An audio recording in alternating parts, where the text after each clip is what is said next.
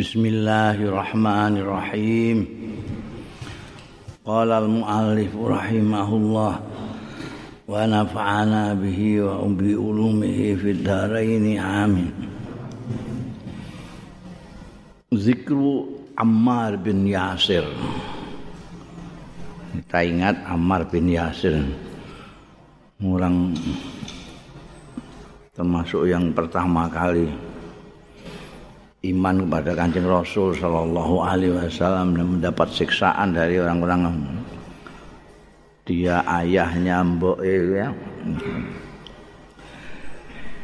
Ammar bin Yasir minas sabiqin al awalin termasuk wong-wong sing dhisik sing pertama.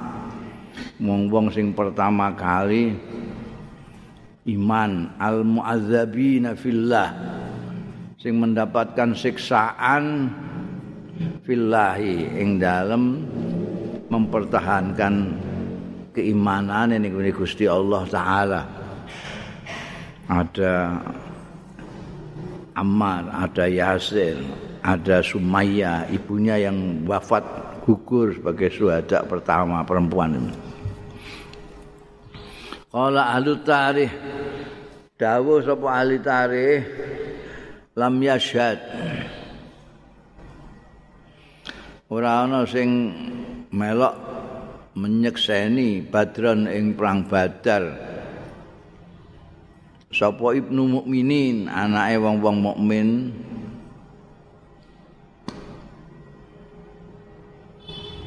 ghairu liyane Ammar bin Yasir. Mereka Yasir itu rahmane ya. Ya mukmin. Lihat-lihat iman tapi wong tuane uga. Ini satu-satunya. Aslama merbu Islam sapa Abu Ramani Ammar yaiku Yasir wa ummuhu lan ibune Ammar yaiku Sumayyah wa kanat lan ana sapa Sumayyah tu Sumayyah ana iku awwala syahidatin fil Islam. Ditulis dalam tinta emas dalam sejarah Islam Sumayyah ini perempuan pertama yang mati syahid fil Islam. Dia disiksa tidak mau balik nyembah berhala tetap ngemi keimanane ning Gusti Allah taala. Ngantek dibunuh. Dipertenteng di salib Kala Rasulullah sallallahu alaihi wasallam dawuh sapa Kanjeng Rasul sallallahu alaihi wasallam li Ammar marang Ammar. Kalau ketemu Ammar Kanjeng Rasul sambutannya itu marhaban Selamat datang nek cara kene ne marhaban. Bitayyibi kelawan wong apik al mutayyib al mutayyib kang diapikake Wa qala lan dawuh sapa Kanjeng Rasul sallallahu alaihi wasallam. Ammar iku maliun imanan kebak apane imanan? Imane. Wa ila masyasi lan ngantek tulang sungsume imane itu mendalam sekali. Fadharaban Nabi mongko mukul sapa Kanjeng Nabi sallallahu alaihi wasallam khosiratahu ing lempenge lem, pinggangnya Ammar. Wa qala hadhi khosiratun mu'minatun utawi iki iku pinggangnya orang yang mu, pinggang mukmin. Berarti dianggap ketokan paku amal itu imannya sampai balung sungsum sampai semua. Eh. Ya sak berayat itu lah Ammar, Yasir sampai Sumayyah itu. Mukmin-mukmin pertama yang ketokan paku. Faslun Kala ahlu tarikh dawuh sapa ahlu tarikh kana adim tiwalan Ammar kuwi sawo mateng kayak kulit kita tidak hitam, tidak kuning, tidak putih. Tapi antara hitam dan an kuning kayak sawo mateng. Kayak warna kulit ini. Tiwalan, dhuwur. Eh, jangkung Ammar itu sawo mateng. Ba'athahu ngutus ing Ammar sapa Umar bin Khattab Sayyidina Umar bin Khattab nalika jadi Amirul Mukminin jadi kepala negara beliau ngutus Ammar ini amiran jadi amir jadi pimpinan ilal Kufah di marang Kufah. Kufah itu sebelah selatan Irak. Dia jadi wali kota apa nih kepala daerah Kufah lah Amiran Ilal Kufah itu jadi kepala daerah Kufah. Kutila terbunuh ya Ammar bisifin ana ing sifin wa huwa khali utawi Ammar ibnu Naifin wa tis'ina sana yuswa punjul sangang puluh tahun Naif itu punjul jadi kalau 90 lebih. Bayangkan Amal itu umurnya 90 lebih. Bisa ikut perang. Ya di barisannya Sayyidina Ali. Perang Siffin itu perang antara Sayyidina Ali untuk menghadapi Muawiyah dan pasukannya. Ammar ikut Oh, gak iso mbayang wong saiki umur 90 tahun itu kaya eh 90 tahun tuyuk-tuyuk ikut perang. Konon beliau itu sedang memberikan semangat kepada pasukan ini ketika terbunuh. Ini perang Siffin. Hmm. Pasukannya Muawiyah itu terdiri dari berbagai macam wong ya. Ana preman ya ana segala macam dari rekrut tembean Muawiyah itu. Maka orang-orang yang terkenal terkenal sebagai sahabat-sahabat yang anu itu kecuali Amr bin As ikutnya Sayyidina Ali kabeh. Karena apa? Karena Sayyidina Ali yang dibeat oleh umat Islam sebagai khalifah. Muawiyah sebagai gubernur di Syam tidak mau beat. Alasannya ini pembunuhnya Utsman itu ditemukan diadili. Nah, dianggap berontak buat diperangi Mbak Ali. Faslun ruwiya an Utsman bin Affan diriwayatake saking Utsman bin Affan radhiyallahu anhu qala ngendika sapa Utsman bin Affan laqaitu Rasulullah ketemu sapa ingsun ing Kanjeng Rasul sallallahu alaihi wasallam bil ana ing lembah Batha itu daerah yang rendah di Arab itu banyakkan gunung-gunung ya ada yang roto dengan tanah itu disebut Batha Mekah itu juga di bawah, lainnya kan di atas semua. Misal Ka'bah itu bawah. Di tempat yang rata itu. Fa'akhoda ya biadi. Mongko nyandak sapa Kanjeng Rasul sallallahu alaihi wasallam biadi kelawan tangan ingsun iki dawuh Sayyidina Utsman. Pantolak tu mongko budalan sapa ingsun mau sartane Kanjeng Rasul sallallahu alaihi wasallam. Berjalan bersama Kanjeng Rasul. Famar mongko ngliwat sapa Kanjeng Rasul sallallahu alaihi wasallam bi Ammar, lawan Ammar wa ummi Ammar lan ibune Ammar Sumayyah wa hum yu'adzabun. Wa hum khalil Ammar mbek mbok iki yu'adzabuna disiksa. Siksa mbiyen wong kufar Mekah, wong kufar Mekah itu nek ana wong melok Kanjeng Nabi langsung disiksa. Apa meneh nek budake mereka. Dan kebetulan ada waktu Kanjeng Nabi Muhammad sallallahu alaihi wasallam itu mengumumkan risalahnya itu sing melok dilalai kebanyakan orang-orang seperti Ammar, Yasir, Sumayyah ini. orang-orang sing gak duwe apa-apa ora duwe ra duwe ku marat-marat jadi ya di dalam masyarakat di mana tokoh masyarakatnya itu orang kaya-kaya ya wong ini dianggap orang ana arti ini nyiksa mereka dianggap tidak masalah. Kanjeng Nabi mbek Sayyidina Utsman lewat mereka. Faqala mengko dawuh sapa Kanjeng Nabi, sabran ala yasir. sabran ala yasir. Ing sabar ya sabar. Keluarga yasir. Ing sabar Pak inna masirakum ilal jannah. Monggo setuhune perjalanan ira kabeh iku ilal jannati marang swarga.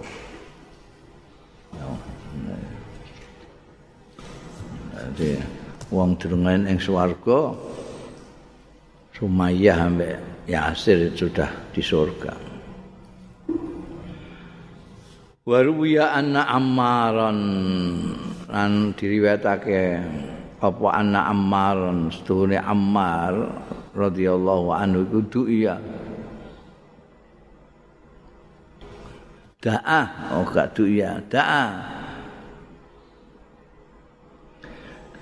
undut sapa ammar bisyarabin kelawan unjukan yaumasifin ning gone yaumasifin mau peristiwa pertempurane Sayyidina Ali Sayyid Muawiyah.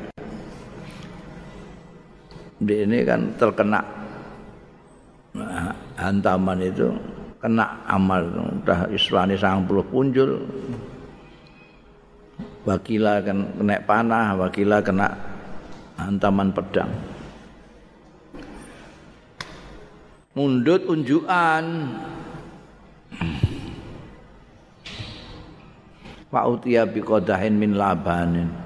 Mongko ditekakake bi kelawan wadah cingkir apa min labanin angking poan. Fasariba mongko ngunjuk sapa Ammar minhu saking kodah utawa laban mau. Wa qala lan dawuh sapa Ammar. Sadaqallahu wa rasuluhu Maha benar Allah. Cara sing diklamasi nerjemahno ayo. Maha benar.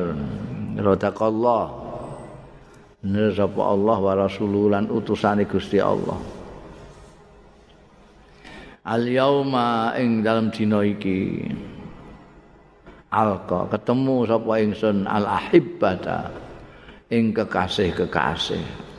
Sinten Muhammadan wa khisbahu. Sayyidina Muhammad wa Khisbahulan kelompok eh, pasukane partene Muhammad. Iki aku aku ketemu iki. Soale inna Rasulullah satune Kanjeng Rasul sallallahu alaihi wasallam iku qol. Dawuh Kanjeng Rasul inna akhira syai'in setuhune akhire perkara akhire sesuatu tuzawwiduhu sing berbekal sira amal hu ing se minat dunya saing dunya iku sabhatul labanin sarapan poan. Makanya maha benar Allah dan Rasulnya. Karena kanjeng Rasul Shallallahu Alaihi Wasallam ngendiko akhir ayat saya untuk kehidupan ding dunia iki adalah sarapan laban. Tusawidu itu orang itu ning dunia iki butuh mangan iku untuk bekal hidup ning dunia. Makan, minum, sampai turute. Nah, harus dibedek kanjeng Nabi akhir daripada sesuatu yang aku gunakan untuk dunia ini ya sarapan laban. Saiki iki. Beliau sedang minum itu. Awise kena senjatane musuh. Unjuk laban. Nah, gak pundut pada waktu yaum musifin. Wa an Khalid bin Samir kala ngendika sapa Khalid kana Ammar ana sapa Ammar iku tawilas sumte Dawa menengi artinya banyak diam, tidak banyak bicara. Tawil al khuzni, suwe prihatine. Wal ka'abati lan susah menang prihatin wa kana lan ana apa amatu kalamihi umume pengendikane amal iku aizan nyuwun pangreksa billahi kelawan Gusti Allah minal fitnati saking fitnah kebanyakan kalau berbicara banyak diem jarang sekali ngomong. Dia prihatin. Kalau ngomong itu yang paling banyak nyuwun pangreksan Gusti Allah saking fitnah. Allahumma inni a'udzubika min fitnatin. Minta perlindungan dari fitnah. Wa an Abdullah bin Abil Huzail kala ngendika Abdullah lama bana Abdullah ibn Mas'udin bareng bangun nalika bangun sapa Abdullah bin Mas'ud darahu ing daleme Abdullah bin Mas'ud. Kala ndika sapa Abdullah bin Mas'ud li Ammar marang Ammar. Haluma ayo unzur ilama bana itu ningali sira ilama marang barang bana itu sing bangun sapa ingsun. Amar diajak nilii bangunan rumahnya Ibnu Mas'ud. Ayo delok bangunanku. Pantolako mongko budalan ya Ammar panazara ilai. Mongko ningali sapa Ammar ilahi marang ma bana Abdullah bin Mas'ud. Ma bana itu kalau rujuke. Wah, faqala mongko komentar apa Ammar. Banai dan wah bangun sira sadidan ing sesuatu yang dahsyat. Wa amal tabaidan lan berpengharapan sira baidan adoh banget wae bangunan bisa sampai dino kiamat ini. Koyok kuate koyok ngene gimana. Padahal batamu tu koriban mati par delok engkas. Omamu wibate ngono kan amal itu. Ini gak didudono, gak disebutkan komentari Abdullah bin Mas'ud. Di dikomentari ngono itu. Di lembangunannya tapi di tandakna watamu tu. Yang Ammar, ya Ammar itu. Amatu kalamihi aizan billahi minal fitnah. Bunda zikru Uqbah bin Amr bin Abi Mas'ud Al-Ansari. Uqbah bin Amr nazal al-Kufah Ya manggon al-Kufah ta ing Kufah Kala ahli tarikh dawuh sapa ahli sejarah? Yuqalu lahul badri diucapake lahu marang Uqbah. Apa al-Badri? Dia disebut al-Badri. Ahli Badar. Padahal walam yashhad badron ora nyekseni sapa Uqbah badron ing Badar. Dia enggak melak perang Badar. Tapi sebelumnya dia diutus untuk meneliti kondisi yang kan sudah direncanakan itu nyegat iring-iringannya Abu Sufyan yang dari mulai dari Mekah ke Sam sampai nanti dari Sam balik ke Mekah. Waktu dari Mekah ke Sam kelewat. Makanya terus kira-kira engkau balik kapan? Wa qala Muhammad bin Sirin kana Abu Mas'ud. Abu Mas'ud iku konyae Uqbah bin Amrin. Mereka anak mbarepe asmane Mas'ud.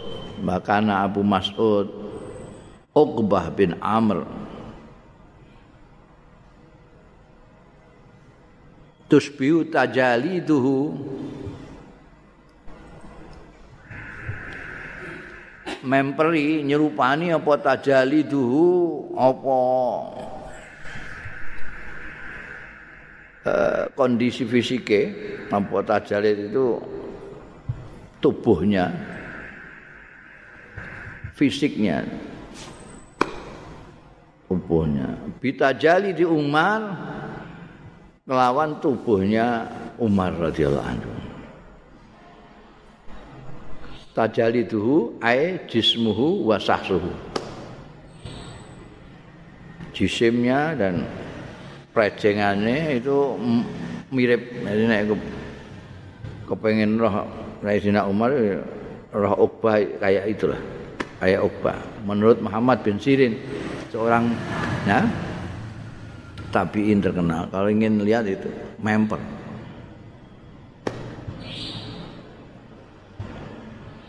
Nek menurut riwayat sing member wajahe Sayyidina Umar itu Khalid bin Walid. Mungkin karena masih ada darah mereka itu ya dari satu kabilah ini. Maka ono cerita nek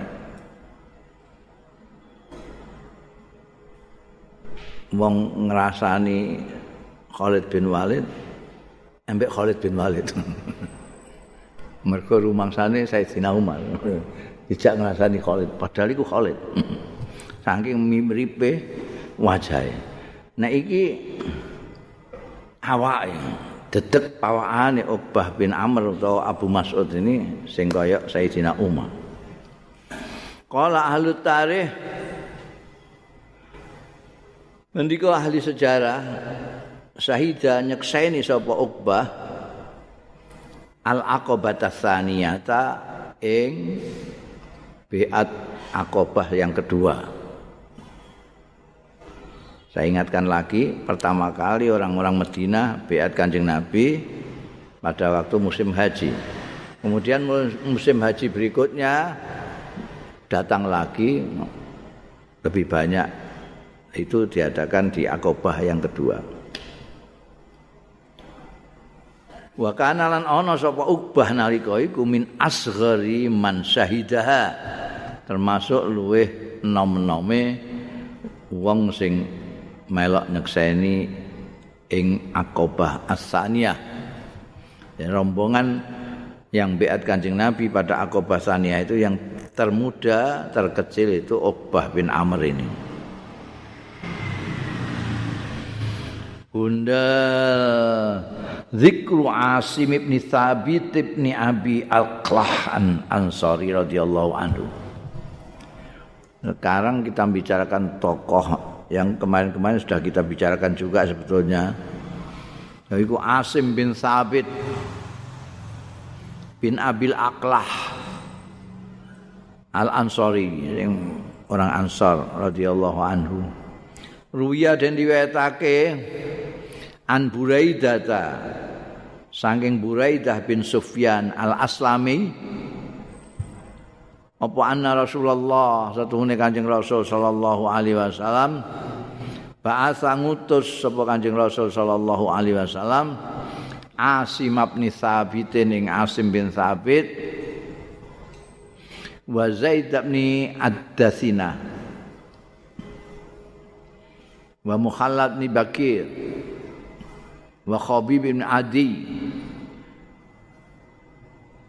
Wa Mirsad ibn Abi Mirsad. Ini rombongannya, pimpinannya Asim bin Sabit. Tempo hari kita ketika membicarakan Zaid bin Dathinah itu sudah di sudah kita bicarakan Asim ini sebagai pimpinannya rombongan di mana Zaid bin Dathinah ada di situ. Diutus ke mana? Ila Bani Lihyan bir Ke Bani Lihyan. Bani Lahyan, Lahyan. Bani Lahyan. Bir ana ing. Itu sing bodoni itu. Dia minta katanya Arab jaluk dai-dai sing mengajari mereka tentang Islam tapi ternyata mereka khianat. Dikirimlah Asim bin Sabit.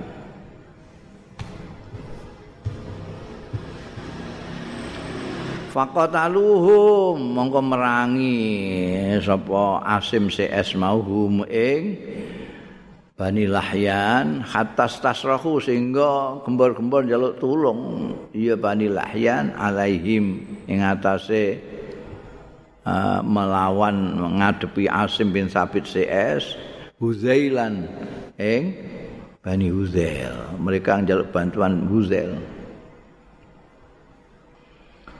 Falam yutiku mengko kuat ora mampu sapa Asim CS kita lahum ing merangi mereka karena nek bani lehyan sudah bani lehyan saja sudah berat ini tidak kebarengan karo Huzail bareng. Alam yutiku kita lahum monggo ndak kuat untuk menghadapi mereka. Fa akhadhu li anfusihim amanan. Monggo padha gawe ngalap sapa rombongane Asim li anfusihim kanggo awak mereka amanan eh keamanan. Illa asiman. Kalau di waktu kalau kamu masih ingat pada waktu kita bicara tentang Zaid bin Dasina itu orang-orang Bani Lahyan dan Hudail ini bilang eh mudun. Nek kalian mau turun selamat kabeh wes. Enggak siapa apa anu, selamat. Nah ora ya perangi. Terus kabeh gelem. Ternyata dibodoni tenan. Terus Zaid bin Dasinah didol ning Banil Haris kalau sing keluargane dipateni dia di perang Badar. Terus disiksa gak karu-karuan Bani Dasina. Semuanya fa'akhadhu li anfusihim amanan min illa asiman. Kejaba asim. Pimpinannya Asim bin Sabit yang tidak mau. Fa'innahu mongko asim iku aba. Tidak mau perjanjian aman. Waqala lan ngendika sapa Asim la akbalu ahdan min musyrikin aku ora nampa ahdan ing perjanjian min musyrikin mesti ngapusi. Dan ternyata benar di beliau. Baca alan dungo sapa Asim bin Sabit indah zalika nalika iku. Karena semuanya kawan-kawannya sudah turun ke bawah untuk damai dengan mereka. Eh, katanya akan diberi keamanan. Dia masih sendirian. Enggak gelem la akbalu ahdan min musyrikin janjian karo wong musyrik. Mesti khianat terus ndonga. Waqala ndonga sapa Hasim bin Sabin Allahumma inni ahmilakal yaum. Itinaka Duh Gusti Allah ini setunggal kula. Niku ahmin jagi kula. Laka kagem panjenengan al yauma dinten menika dinaka ing agami panjenengan. Kula ngugemi agami jenengan. Kula pertahankan agami panjenengan sak mangke menika. Mila fahmi li lahmi. Mongko kula nyuwun panjenengan jagi. Dan pertahankan li kangge kula lahmi daging kula.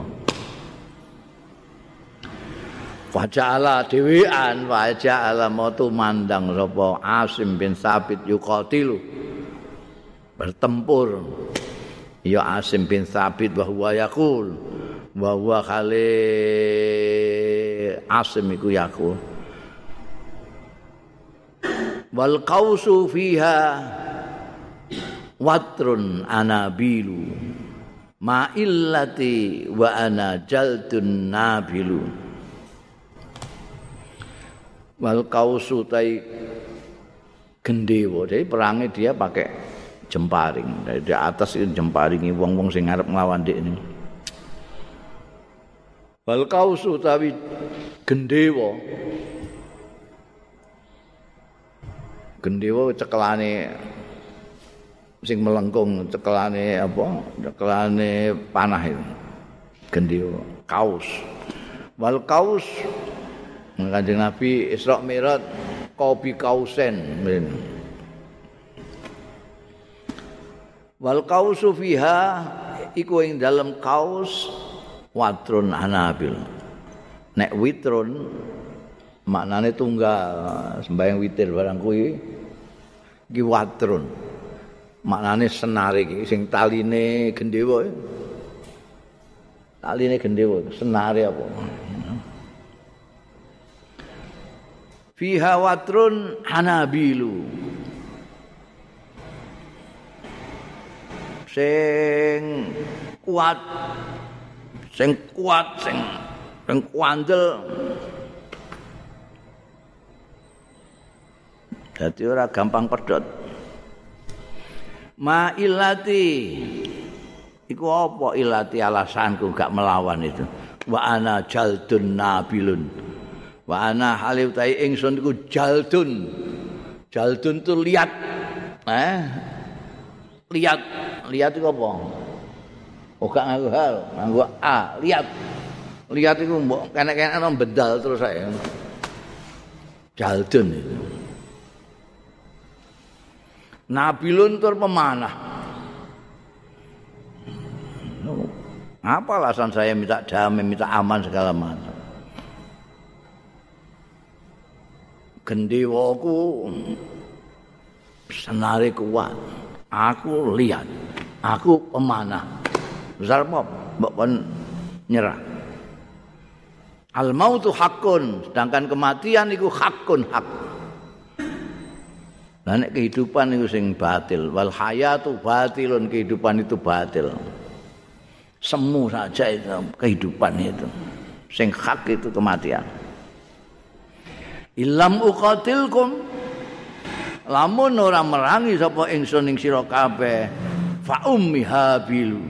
Mongko utahe mbokku iku kelangan anak. Habilu kelangan anak. Bil mar'i iki bil mar'i wal mar'i iki wae ngono? Eh bil mar'i wal mar'u ilaihi ayil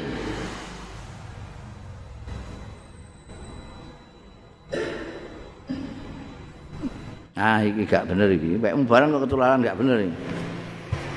Iki gak muni bil mar'i kelawan wong wal mar'u ilaihi ayil. Iku terus ilahine ning ndi? Pak ngono. Iya. Nah, iki lho sing tak waca iki mau ya padha karo kowe pegak. Gak. Wakulu. Nah, ya kanjane yo kowe iku kowe aja bodoni aku awak kitab wis mbod kitab wis bodoni kowe bodoni sisan aku. Aku kacau. Ini tak wacane kabeh. iki sing ning kitabku ya wal qausu fiha watrun anabilu ma illati wa anal jaltun nabilu wal mautu haqqun wal hayatu batilu illam uqatilkum fa ummi habilu bil mar'i wal mar'u ilaihi ayilu wa kullu ma hakamal ilahu nazir. Nek ngono apa kak nek gak ngono apa kak Ya ora, lan yo tak wacene aku sing padha karo wekmu, aku ora ora wekmu lah aku iso maca. Kok kene, Ya. Al mautu haqqun wal hayatu batilu illam uqatilkum fa ummi habilu wa kullu ma hakamal ilahu nazilu bil mar'i wal mar'u ilaihi ayilu. Ngono eh? Ngandani yo aku iso maca kene. Wa kullu ma dadi teruse Pak Ummi Habilu iku wa kullu ma iki kuwalik. Kitab iki kuwalik. Gak muni mau bil mar'i. Dadi nek mbok walik saiki kaya kitab itu ora muni. Wa kullu ma utai sekabehane barang. Hakamal ilahu sing wis memutuskan sing ngukumi sapa pangeran. Nazil pasti tumurun bil mar'i kelawan seseorang siapapun. Wal mar'u utai seseorang ilaihi marang ilah iku ayilu pasti kembali oh pena mergo ilahi sebaliknya ning gone ilah kok ilahe ning guri ku piye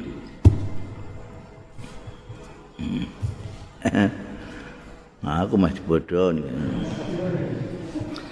itu Baga ya Asim itu. Jadi kawannya semuanya.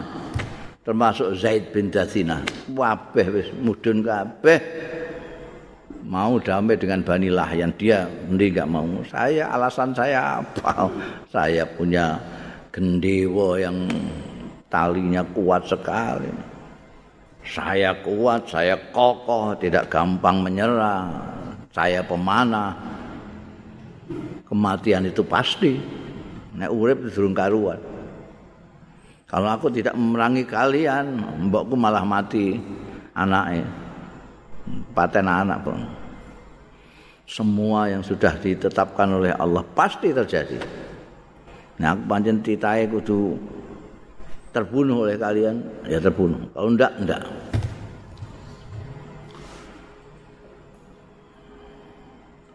Falamma qatalu mungkin ceritanya lebih banyak dari Zaid bin Zasinah wingi ya.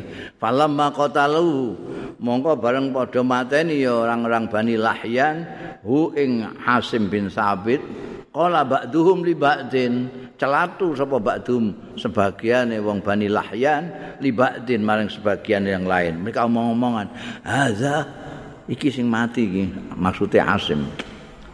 Lah dhek dhewean lawane semunake Bani Lahyan diwangi Huzail bareng. Kanca-kancane melok kono kabeh. Akhirnya terbunuh. Dan terbunuh mereka itu ada alladzi alat fil makkiyah. Iki ini maksudnya Asim bin Sabit. Iku alladzi alat sing sumpah fihi ing dalem hadzal ing dalem lazi iki sing sumpah fi ing dalem lazi sapa al makiyatu wong wedok Mekah iku lho salafatu bintu Sa'din orang wong wedok Mekah jenenge salafah. Salafah bintu Sa'din bin Syahid. Wa kana lan ana sapa Asim bin Sabit iku kotala sudah membunuh laha kedua salafah atau makiyah iki yauma uhud. Yauma uhudin ana ing perang uhud. Salah satu banin tiga orang anak mimbani abdiddar saking bani dar kuluhum sekabehane salasa kanu ana ya salasa iku ashaba liwa iku raisin Jadi ini Guni Kures yang dipimpin panglima tertingginya Abu Sufyan itu ada tiga orang yang juga pegang. Eh, jadi kan pasukan itu kan ada resimen, ada batalion, ada kompi, ada regu gitu ya. Ini tergantung anggotanya piro. Anggota terbanyak itu saya kira resimen itu panglimanya Abu Sufyan. Nanti ada yang dipanglimani oleh Khalid bin Walid sampai Abdul As. Ada lagi di sini pimpinan kompi apa apa ini tiga orang anak ini dari Bani Abdiddar. Begitu ngangkat gini ini karo Asim. Guntine anaknya dipateni Asim sampai tiga. Kulluhum kanu ashabul liwa iku raisin. Faja'ala mongko tumandang sapa Asim Yarmi memanah pemanah Nabil ini. panah panahe kuat. Aja Allah Yarmi wa yaqul ngendika sapa Asim khudha ambil ini panahku. Wa ana ibnul aqlah. Aku anaknya aqlah.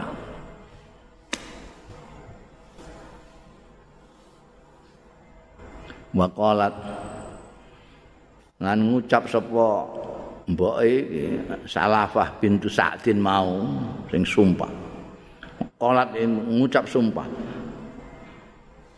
La ing qadartu ala ra'si. Lamun iso nguasai sapa ingsun ala ra'si ing atase sirahe Asim.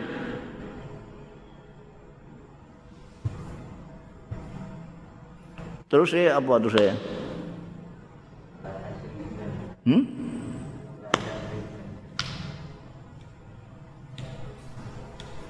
Mau ya sebenarnya untuk mau coba kolat lain qadar. Iya. Hah? Ini pindah-pindah itu ah. Gue curiga terus anakku. Iki sing ngomong sing sumpah itu Salafah bintu Sa'din. Wong Mekah wedok iku lho. Sing anake di kabeh karo Asim telu iku mau. Ndekne sumpah. Nek kolat ning kene dikai titik loro ning nggonmu ana titik loro ne apa ana loro berarti dia ngomongane ndekne lain kodar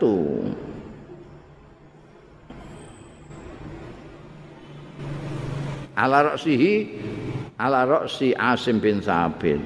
Lah kok latas reban? Kok tak itu piye? Lu kowe mikir ah. Melok mikir kok menengae denger-denger apa. Nek iki omongane wong wedok iku muni seandainya saya bisa menguasai kepalanya Asim maka mestinya saya akan minum. Anu gitu. Ini kok tak itu kan baliknya nih gini ini gini di ini di ini kan orang ngomong belum dia ngomong kok. Yo paham ora kowe mau ngaku iki. Iki padha jare. Non apa tak? Nah ya nek tak Lah nek ora ana titik loro wa qolat an ngucap ya wis di maknani qolat lain qadarat hmm, ndekne sumpah iku lain qadarat lamun mampu ya salafah mau ala roksi ngasirae lantas robena ya tiar ngombe ya marah iku mau fi ngono. Dunung nek ngono. Tapi nek wakolat titik loro iku berarti lain iku omongane ndekne Nek omongane dik ini kena apa muni atas roban. Mesti ini nasroban. Eh? Mudeng tau ora kowe mek omong aku iki, eh? Lho iki bicara logika, ora kok tulisane. Tulisane iki mencurigakan mulai awal. Tulisane nuskah iki. Jadi nek meni waqalat wis titik ngono ae waqala dan ini ngomong. Ngomongnya piye? Ya iku mau. Lain qadarat ala roksi jadi kita membicarakan dia bukan dia bicara tentang dirinya. Nah kalau dia bicara dengan dirinya ya tidak mengatakan latas roban hmm? lah nek nun rodok mengkek-mengkek. La ing qadar tu ala roksi lanas robanna yakti bakal ngombe kita fiqh.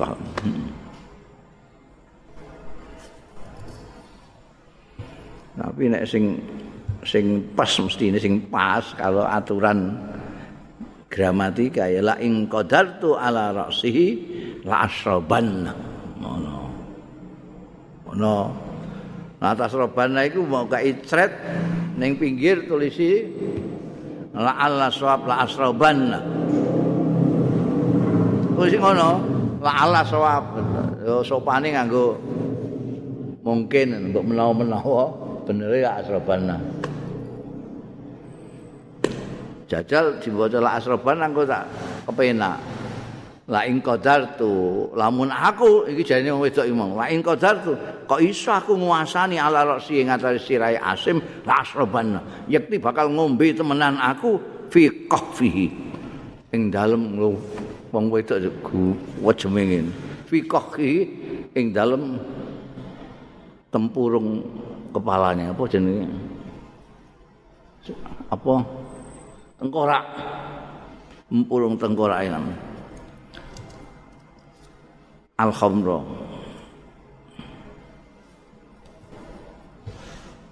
Lah nek mbok waca ratus roban lah ya iso, tapi sing ngombe sapa? Wong sing sumpah. Nek mbok akali kesane tas roban mawon tapi diwaca tus roban. Ra ing qadar ala ra'si ratus roban fi qaffihi al khamru. Tapi engko sing ngombe sapa? Wong akeh. Jadi iso loro. Nek aku ya asrobanna. Lah nek nganggo tak ya tusroban. Ora tasriban. Tusroban. Yakti diombe temenan fi qahfihi apa al khamru.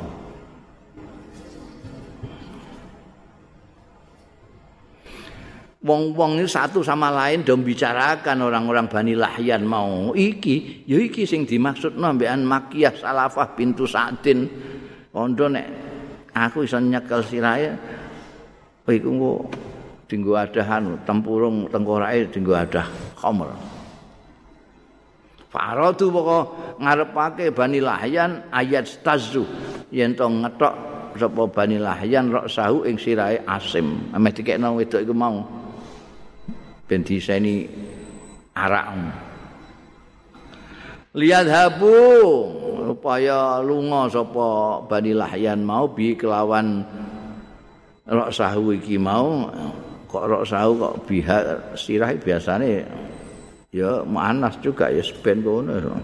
Ilaiha marang makiyah salafah mau waya biulan adol. Ngedol sapa wong-wong mau hu ing rok sahu minha saking makiyah salafa. Iki ana sing sumpah. Nek entuk ngene iki ndekne meh ngadai khomer ning gone anune ayo gorono ae. Dol mesti gelem tuku larang ini ngono. Jadi materialistis juga ya wong-wong iki ora terima jahat. Wes, ame digawa, wis dikethoki sirahe engko wehno. Wong wedok Mekah sing sumpah iku mau. Engko ora gelem nuku dene. Hmm. Wa Allah. Mongko ngutus sapa Allah taala ilaihi marang Asim bin Sabit rajulan ing wong lana la ora rajulan rajulan rajulan. Bahasa Arab itu angel ya Allah. Rajulan. Maknane wong lanang. Rijlan maknane sikil. Lah iki rajulan. Rajulan itu sekumpulan. Sak kelompok. Rajulan itu sekumpulan. Wangel di bahasa Arab itu bahasa Arab kata-katane padha hurufe padha macanane beda maknane beda. Masya Allah Nek rajulan wong lanang rijlan sikil rajulan. Itu kumpulan. Jadi Gusti Allah ngutus ora rajulan ora wong lanang ora lijlan kok ngutus sikil. Ya apa? Rajulan. Bapak asal mau ngutus sapa Allah taala ilaihi marang Asim rajulan ing sekulumpulan min dabrin. Dabrin aja duburin. Nek duburin maknane guri. Duburin maknane guri. Mulane anus disebut dubur juga mergo ning guri panggonan. Nika dawuh Kanjeng Nabi wakul dubura kulli salatin. Bacalah di belakang salat Allahumma inni ala zikrika ila. nek dubur nek iki dabru. Dabru. Lho beda meneh. Engko dibru beda meneh iki bahasa Arab itu ngakok nati iya.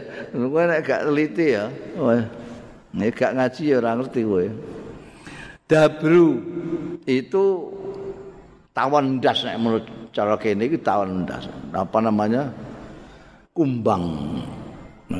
Lebah tapi gede-gede apa tawon tapi gede ngene. Itu double Mereka tak gerombolan itu jaga asim. Mereka meh ngetok gulune kan wangel mergo wani piye. Kaya ambekan daber iku. Nek tawon sing cilike ngono ae nek ngentup warane gak karu-karuan iku gede-gede. Palam yastatiu mongko ora mampu sapa wong-wong Bani Lahyan mau ayastazu ing yen to ngethok rok sahu ing to ngethok sapa Bani Lahyan rok sahu ing sirahe asim dijogo karo Gusti Allah. Sesuai dengan penyuwunane Asim ketika mau ngelawan sendirian itu. Allahumma inni ahmilakal yaum dinaka fahmili lahmi. dijogo gak iso diketok carane Gusti Allah itu ya kok ngirim tawon das akeh iku Qala Syekh Dawu Syekhul Musannaf rahimahullah An-Nabil sahibun nabil sing memiliki panah pemanah. Wal unabil unabil. Iku al ghalir sing kuat sing kuandel taline iku patrun anabil wal habil. Wong wedok sing habil itu mongko wa, wa fa ummi habil. Wal habil alati mata. Wong wedok sing mati sapa waladuha anake lati. Ini paten anak mau untuk kemana nih wal ayil wal mar'u ilahi ayil ayil ay arraji bali. Wa alat mau? Adzal ladzi alat fihil maqiyah. Maknane halafat. Sumpah. Wal rajlu al jamaah kelompok banyak jamaah. Tapi nek eh tawon kok jamaah iku? Engko melok diundang karo mubalik nganu kae. Jamaah gruduk gruduk gruduk. Awan das jadi maknani kelompok ini gerombolan. Wadabru azanabir dabru iku azanabir zanabir iku iku mau tahun das kumbang kumbang.